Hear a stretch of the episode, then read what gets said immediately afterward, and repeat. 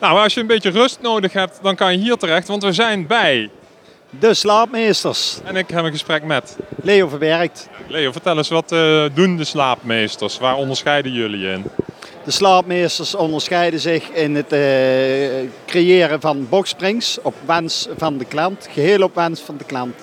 Maar hoe moet ik me dan voorstellen? Wat voor soort wensen kunnen mensen hebben op het gebied van slapen?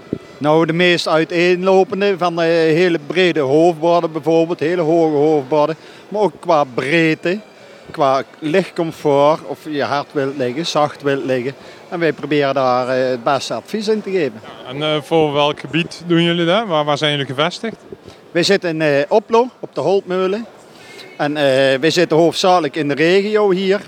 Maar het wordt steeds gekker. We gaan ook voor buiten de regio, want het gaat van mond op mond. En ja, wij maken echt alles zelf. Het is echt handwerk en het is een echt Nederlands product.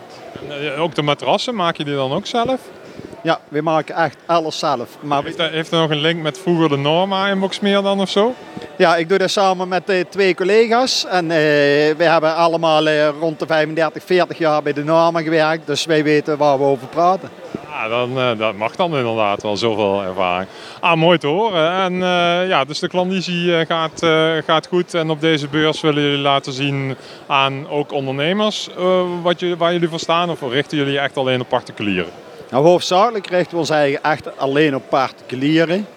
En eh, wat ik straks al zei, het meeste zit hier in de regio. Alleen, ja, het, het, het gaat verder als alleen de regio. En eh, mensen willen een goed bed, goede kwaliteit voor een echte eerlijke prijs.